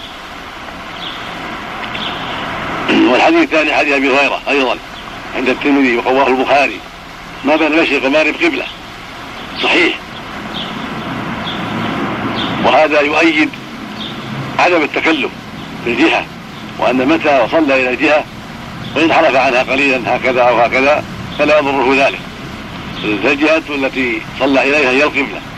فالجنوب والشمال ما بين المشرق والمغرب قبلة له كان في جنوب الأرض وشمالها وما بين المشرق والمغرب قبلة. كأهل المدينة واليمن والشام وأشباه ذلك. ومن كان في الشرق أو في الغرب وما بين الشمال والجنوب قبلة له. فلا يضره انحرافه ها هنا أو ها هنا كثيرا لا يخرجه عن عن الجهة. وهذا معنى الحديث ما بين المشرق والمغرب قبلة. يعني في حق أهل المدينة وأشباههم. وهكذا في في قضاء الحاجة. في حديث أبي أيوب ولكن شرقوا أو غربوا. يعني في حق الجنوب والشمال. إذا أراد قضاء حاجته يشرق ويغرب حتى لا يستقبل القبلة. عند قضاء الحاجة. والجنوب والشرق والغرب يقال في حقه ولكن جنبوا أو شملوا حتى لا القبلة عند قضاء الحاجة في الاستقبال والاستدبار. والحديث الثاني حديث عامر بن ربيعة. يقول رضي الله عنه انه رأى النبي صلى الله عليه وسلم يصلي على راحلته حيث كان وجهه. وهذا الحديث ثابت من حديث عامر بن ربيعة من حديث ابن عمر من حديث أنس الصحيحين وغير ذلك من الأحاديث الدالة على أنه كان عليه الصلاة والسلام يصلي على الراحلة حيث كان وجهه يتطوع عليها ويوتر عليها ولكن لا يفعل هذا في الفرائض. ينزل فجاءت الفريضه نزل وصلىها في الأرض. فلهذا قال هنا ولم يكن الصلاه مكتوبة. ولكن البخاري قال إلا الفرائض. هو صلى الله عليه وسلم كان يصلي هذه الصلاة في التطوع مثل الوتر مثل الرواتب مثل سنه الفجر مثل صلاة الضحى كان يصلي على الراحلة. فإذا جاءت الفريضة نزل وصلى بأصحابه في الأرض عليه الصلاة والسلام. وهذا الواجب على الأمة أن تنزل. إذا جاءت الفريضة ولا تصلي على الراحلة ولا على السيارة يصلي في الأرض. فإذا كانت الصلاة نافلة فلا حرج. يصلي إلى جهة سيره على بعيره على فرسه على حماره سيارته. سيارته في الباخرة في السفينة في المركبات الفضائية في أي مكان كان. يصلي حيث كان وجهه. وإن استطاع في السفينة والطائرة ونحوهما أن يقف وأن يركع ويسجد فعل فإن لم يستطع صلى قاعدا. وأومى بالركوع والسجود سواء كان في باخرة أو في طائرة أو في سيارة على حسب طبعه فاتقوا الله ما استطعتم وفي حديث أنس كان يستقبل صلى الله عليه وسلم عند التكبير. وإذا كبر صلى حيث كان وجه ركابه خرجه أبو داود بإسناد حسن. هذا ظاهره خلاف الأحاديث الصحيحة. الأحاديث الصحيحه في الصحيحين ليس فيها ذكر استثناء. عامر الربيعه وابن عمر وأنس في الصحاح. ليس فيها أنه كان يستقبل عند الإحرام. وجاءت هذه الزيادة في حديث أنس وهو لا بأس به. في من في الحديث حسنة. فلا مانع أن تكون مقيدة ويكون هذا على سبيل الاستحباب. يتيسر له يستقبل عند الإحرام هذا حسن. جمع بين النصوص وإلا باحاديث ابن عمر وعامر وأنس وغيرهم أصح وأثبت وليس فيها ذكر آه، استقبال عند التكبير. فإذا فعله الإنسان على سبيل الاحتياط وجمع بين الأخبار فهو حسن إذا تيسر ذلك. وإلا فالصلاة إلى جهة سيره مطلقا من أولها إلى آخرها صحيحة ومجزاه عملا بالأحاديث الصحيحة الظاهرة التي ليس فيها استثناء وهي أثبت وأكثر. لكن إذا فعل الإنسان الاستقبال عند الإحرام عملا بحديث أنس فهذا حسن. من باب الحيطة ومن باب بين الأخبار. والله سبحانه وتعالى أعلم. ما دام السند حسن لماذا لا يقال بالوجوب؟ لوجهين أحدهما أن اعراض الصحابة الآخرين وهم أكثر وحديث أثبت يدل على عدم وقوعه لو قال وقع لذكروه وهم أكثر. والأمر الثاني ان أنه خالف من هو أثبت منه. والقاعدة أن من خالف تكون روايته شاذة اما مطلقا وإلا عند المنافاة وعدم امكان الجمع هذه الزيادة فيها نظر من جهه من جهتين. جهة أن الصحابة الكثيرين ما رووها ومن جهة أنه آه، يقع في النفس شيء من جهة عدم ضبط هذا الراوي لانس ثبت في الصحيحين أنه كان يصلي إلى جهة سيره. ونقل عن النبي كان يصلي إلى جهة سيره. ولم يروي عن الحفاظ من أصحابه أنه كان يستقبل. فجاء من من هدونه في الحفظ والضبط والروايه فنقل عن نفسه إنه كان يستقبل. ففي صحة هذا الزيادة نظر. فيكون يعني استعمالها من باب الحيطة فقط. نعم نعم هذا أنس ما روى عنه أصحابه الاثبات والثقات هذه الزيادة. نعم. نعم. المضطجع نعم. هو الغريضة يعني نعم. الطائرة مثل مثل السيارة. سوا سوا. مثل الباخرة. نعم. هذه على الماء وهذه على الهواء. نعم. سيارة نعم. سيارة. الغريضة والنافلة نعم. نعم. إذا أمكن. إذا أمكن يقوم يجلس ويركع ويسجد. وإذا ما أمكن ينزل. نعم. ينزل الأرض نعم. والطائرة كذلك إذا أمكن.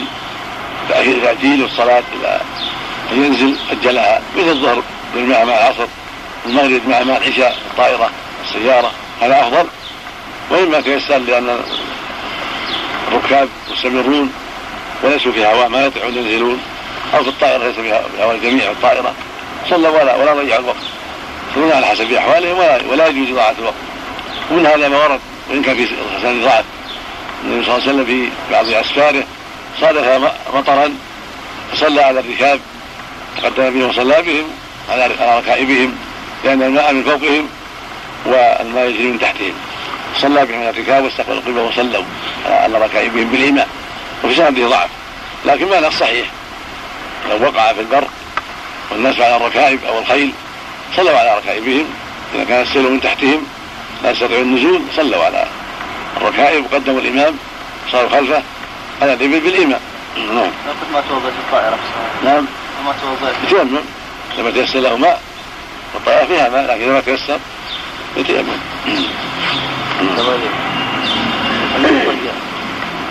المضطجع يتنفس نعم. إذا ما ما استطاع مثل ما يصلي فريضة يتنفس لا يستطيع طبعا لا. ينبغي يصلي قاعدا أو قائما. المضطجع في في تنفله نظر. خلاف. نعم. وإنما التنفل من القاعد لا بأس. على النصف.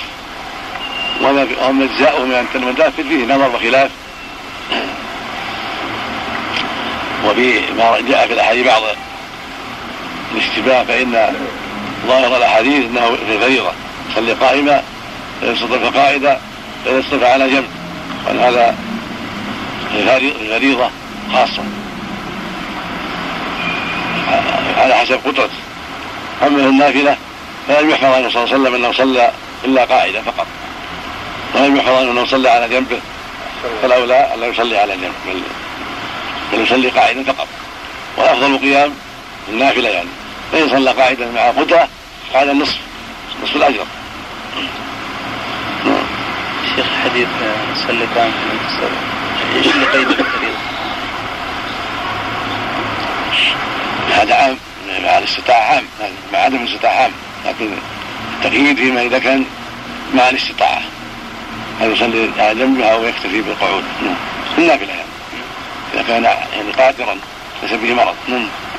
هذا محل السؤال نعم عليك يقال الان ان مساجد الرياض يعني تميل إلى جهه اليمين كذا يقول حسب الموصلة هذه تميل قليلا إلى جهة الشمال ولهذا لو قام إذا ابتدأت المساجد تميلها قليلا نعم ولكن الصلاة صحيحة لأن الميل اليسير لا يضر ما بين المشرق وما القبلة كما قال النبي عليه لكن يشرع يعني ان ينحرف الانسان إلى جهة ال- يعني ما يحدد الآن نحو القبله في المساجد التي قبلتها صالح لا لا يضر. الأمر الأمر يسير ما يضر.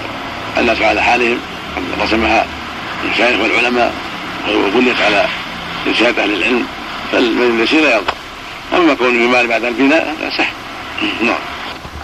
هذه الأحاديث خمسة تتعلق بشروط الصلاة والشروط تتعلق بالطهارة وتتعلق بالسترة وتتعلق تتعلق بمكان العبادة مكان الصلاة. وتقدم لنا ما يتعلق بالطهارة ويأتي ما يتعلق بالسترة. يتعلق أو يتقدم لنا ما يتعلق بالسترة. وهذا الحديث حديث سعيد وبعده فيما يتعلق بالمكان. فلا, فلا بد للمصلي أن يكون مكانه طاهرا يصلي في مكان طاهر. لا يصلي على النجاسات. بل يصلي في مكان طاهر وفي ثوب طاهر وبدن طاهر وعلى طهارة من الأحداث. كل هذا من شرط الصلاة يصلي وهو طاهر من الأحداث الصغيرة والكبيرة. وكذلك طاهر في ثيابه وملابسه وبدنه. ومما يتعلق بالمكان حديث سعيد. النبي صلى الله عليه وسلم قال الأرض كلها مسجد إلا المقبرة والحمام. خرجه الترمذي وله علة. علته أنه أرسله بعض الرواه عن سعيد وبعضهم وصله ولم يرسله. ورواه أبو داود وابن ماجه والجماعه موصولا متصلا بأسانيد جيدة. فالعلة المذكورة ليست شيئا والصواب أنها ليست علة. والقاعدة المعروفة عند أهل العلم أنه إذا أرسل الحديث بعض الرواة ووصله بعضهم فالحكم للواصل إذا كان ثقة لأنها زيادة من الثقة وزيادته مقبولة. وهكذا إذا قطعه راو كرمه وجاء راو ثقة فوصله وأزال الانقطاع فالحكم له. وهكذا إذا اختصره راو وتممه راوي وكلاهما ثقة فالحكم لمن تمم وزاد لا لمن نقص. وهذا الباب معروف في أقسام الحديث تقدم في المصطلح ما يدل على هذا المعنى. ومن ذلك قول الحافظ في النخبة والنخبة على صغرها واختصارها جيدة وعبارتها وجملها مفيدة وحكيمة. رحمه الله وزيادة راويهما يعني الصحيح والحسن. مقبولة ما لم تقع منافية لمن هو أوثق. ويقول فإن خلف بأرجحها فالراجح المحفوظ ومقابله الشاذ ومع الضعف فالراجح المعروف ومقابله المنكر. هذه الزيادة التي زادها بعضهم من وصل الحديث بأبي سعيد ورفيع النبي صلى الله عليه وسلم زيادة مقبولة.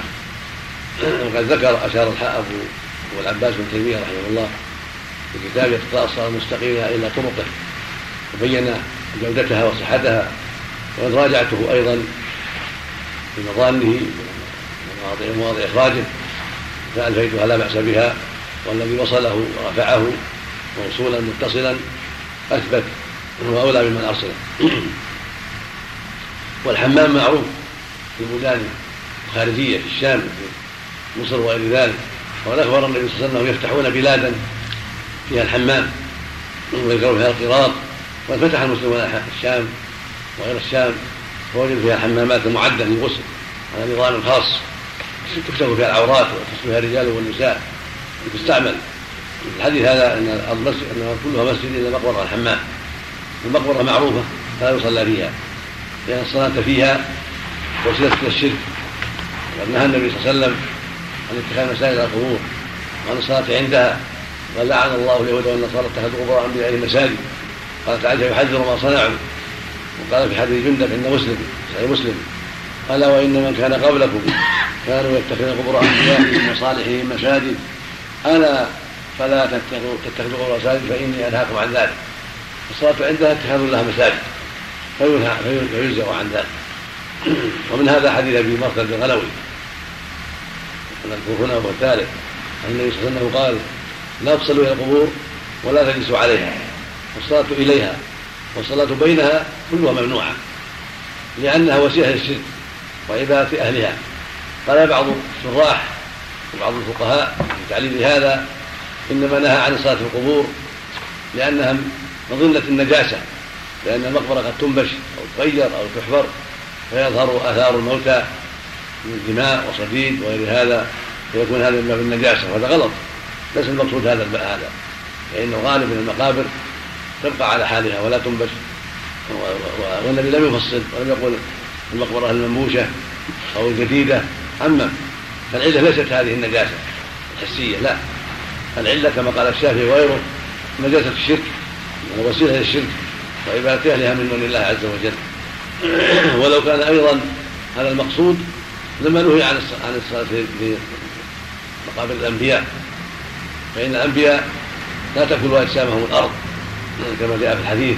فالحاصل ان أن هذا الحديث أن هذا النهي عام وأن المقابر لا يصلى فيها لأن الصلاة فيها وسيلة إلى الغلو في أهلها وعبادتهم من دون الله وسؤالهم قضاء الحاجات كما قد وقع للغلاة لما عظموا القبور وبنوا عليها المساجد وفرشوها وعظموها وطيبوها اغتر العامة وظن العامة أنها تقبل النذر. وأنها تدعى ويستغاث بأهلها ويطلب منهم المدد والغوث فوقع الشرك في الناس بسبب هذه الجهالة وبسبب هذا الغلو وبسبب هذا التفريط الذي حذر النبي صلى الله عليه وسلم ولعن من فعله. وقل أن تأتي مصر من الامصار اليوم ودولة من الدول إلا من شاء ربه إلا وتجد فيها تعظيم القبور والغلو فيها وفي أهلها المشهورين ودعوتهم من دون الله وسؤالهم المدد وقضاء الحاجات جهلا من أولئك الداعين وغرة بما فعله من يظن أنه من العلماء وهو ليس من العلماء فانتشر هذا البلاء وعم هذا البلاء في بلاد الله إلا ما شاء ربه. ولا حول ولا قوة إلا بالله. والحمام لأنه موضع كشف العورات والنجاسات فنهي عن ذلك. وكل موضع يكون مظنة النجاسة ينهى عن الصلاة فيه إلا بعد العلم بطهارته أو فرش أو وضع فراش يجب ذلك فالحمام مظنة النجاسات أو لأنه بيت الشيطان وموضع إغراء الشيطان بالناس كشف العورات والاتصال بعضهم ببعض والله أعلم بالعلة فلا يصلى فيه مطلق الحمام لهذا الحديث. والحديث الثاني حديث ابن عمر. أن النبي صلى الله عليه وسلم نهى عن الصلاة في سبع مواطن المزبلة والمزجرة وقارعة الطريق ومعاطي الإبل والحمام وفوق ظهر بيت الله المزبلة والمزجرة والمقبرة وقارعة الطريق ومعاطي الإبل والحمام فوق ظهر فوق ظهر بيت الله خرجه الترمذي ضعف الحديث من حيث الإسناد ضعيف عند أهل العلم. لا لا يصح ولا تقوم بحجة لأن في إسناده زيد بن جبيرة الأنصاري المعروف المدني وهو عندهم متروك الحديث. متهم. فلا يقبل تقبل روايته ولا يصح احتجاجه. وهناك من من قد يلتبس به وهو زيد بن زبير بضم الجيم وعدم الهاء الطائي وهو ثقة من التابعين من طبقة عمرو بن دينار والزهري وأتباعهما المقصود أن زيد بن جبير الطائي ثقة معروف من التابعين وقد يشتبه بهذا. أما هذا زيد بن جبيرة بالهاء والترجيم وهو أنصاري وذاك طائي هذا ضعيف متروك حديث وهو الراوي لهذه لهذه الرواية لهذا الحديث. ولهذا ضعفه الترمذي رحمه الله من أجل هذا الشخص. لكن هذه السبع فيها تفصيل. المزبلة والمزرة يمنع الصلاة فيها لأنها محل النجاسات. المزبلة محل القاذورات من العذرات وأنواع النجاسات والمزرة محل الدماء. ولا يصلى فيها من أجل هذا. وقارعة الطريق لأن مظنة الدواب ومشي الناس فيها. لا يتعرض المصلي فيها للأذى. ليؤذى أو يؤذي. ونهى النبي عن النزول في قارعة الطريق في الليل. لأنه موضع الدواب موضع سير الناس. لكن إذا دعت الحاجة إلى قارعة الطريق فلا بأس. كما لو ضاق المسجد جاز يصلى حوله الطرق كما نص عليه العلماء. لأن الطريق لا لا يجزم بأنها نجسة. فإذا قدر أن فيها نجاسة وعلم أن فيها نجاسة فرش عليها ثوبا أو حصيرا أو غير ذلك وصلى عند الحاجة. لأن الحديث هذا ضعيف فلا تقم بالحجة. فقال على الطريق مثل غيرها إذا دعت الحاجة إليها. الحديث هذا لا لا, يحتج به فيما ينفرد فيما انفرد به ورعاية الطريق والمقبرة معروف كما تقدم. والحمام تقدم أيضا. معاطي الإبل جاء فيها حديث صحيح. النبي نهى عن معاطي الصلاة في معاطي الإبل. الصلاة لا يصلى فيها جاء في الحديث الصحيح غير هذا الحديث. أما فوق ظهر بيت الله فانفرد به هذا الحديث فلا يحتج به. فوق ظهر بيت الله لا لا, لا حرج. صحيح. ولهذا يصلى في الكعبة ويصلى في الحجر استقبال الكعبة. وقال بعضهم في ظهر بيت الله لأنه هوى ليس أمامه شيء واقف صلى إليه. والجواب عن هذا يقال ليس الحكم مناطا بالقائم إنما الحكم مناطا بهوى الكعبة وإزامتها ولهذا الذين في جبال في جبل أبي قبيس وما فوق من الجبال صلاتهم صحيحة لأنهم يستقبلون إلى فضاء الفضاء الذي يسامك الكعبة فهم مستقبلونها في المعنى وإن كانوا يستقبلون الهواء الذي فوقها والفضاء الذي فوقها كذلك لو كان الإنسان أسفل قد حفر بئرا أو ما اشبهها أو مكروما في الأرض وفي مكة صحت الصلاة إلى جهة الكعبة وانما يسامت ما يسامتها أسفل. لا لا يسامتها هي وإنما يسامت ما وإنما يسامت ما تحتها. فتصح صلاته. فالعبرة بهواها وما يسامتها لا بنفس بنائها. ولهذا لو هدمت والعياذ بالله صلت صحت صلاة الناس إلى محلها. كما كما قد يقع في آخر الزمان حين يهدمها الحبشة. فهذا لو صلاه الناس إليها صحيحة. لأن المقصود محلها وليس المقصود بناءها. الحديث الرابع حديث حديث حديث تقدم الكلام عليه فيما يتقدم يتعلق بالقبور والصلاة إليها يعني استقبال القبور. فلا تستقبل قبلة المصلي ولا يصلي بين القبور. لكن يكون بينه وبينها حائل من جدار ونحوه أو يكون بعيد عرفا إذا بعد عنها عرفا جازت الصلاة. أما كون القبور قريبا منها فإن الصلاة إليها تشبه عبادتها فينهى عن ذلك ولا يصلي إليها لئلا يظن ظان أنه يعبدها ولأنه في في في مشابهة من عبدها. فلا يجوز فعل ذلك لكن إذا كان بينه وبين حائل إما جدار المسجد أو زائد جدار آخر على الصحيح غير جدار المسجد جاز ذلك. أو حائل آخر غير المسجد من الجدران الأخرى التي برية أو في محل بعيد عنها عرفا فلا بأس. أما الجلوس عليها فلأنه امتهان لها. ولا يجوز امتهان القبور المسلمة المحترمة. فلا تمتهن ولا يطع عليها ولا يتكى عليها لما جاء من النهي عن ذلك. والجلوس عليها أشد في الامتهان قال بعضهم المراد بالجلوس عليها التغوط عليها. أما الجلوس من التغوط فلا وهذا ليس بشيء ضعيف والصواب أن المراد الجلوس عليها مطلقا ولا هو يتغوط أما إذا كان تغوط فهو أشد في القباحة والإثم ويدل على أن المراد الجلوس مطلقا الحديث الآخر رواه مسلم وغيره. إذا يجلس أحدهم على جمرة وتفرق ثيابة فتخلص إلى جسده. خير له من أن يجلس يجلس على قبر أو كما قال عليه الصلاة والسلام. هذا يدل على أنه لا يجوز الجلوس على القبور ولا امتحانها بالوطي عليها والاتكاء عليها كما جاء في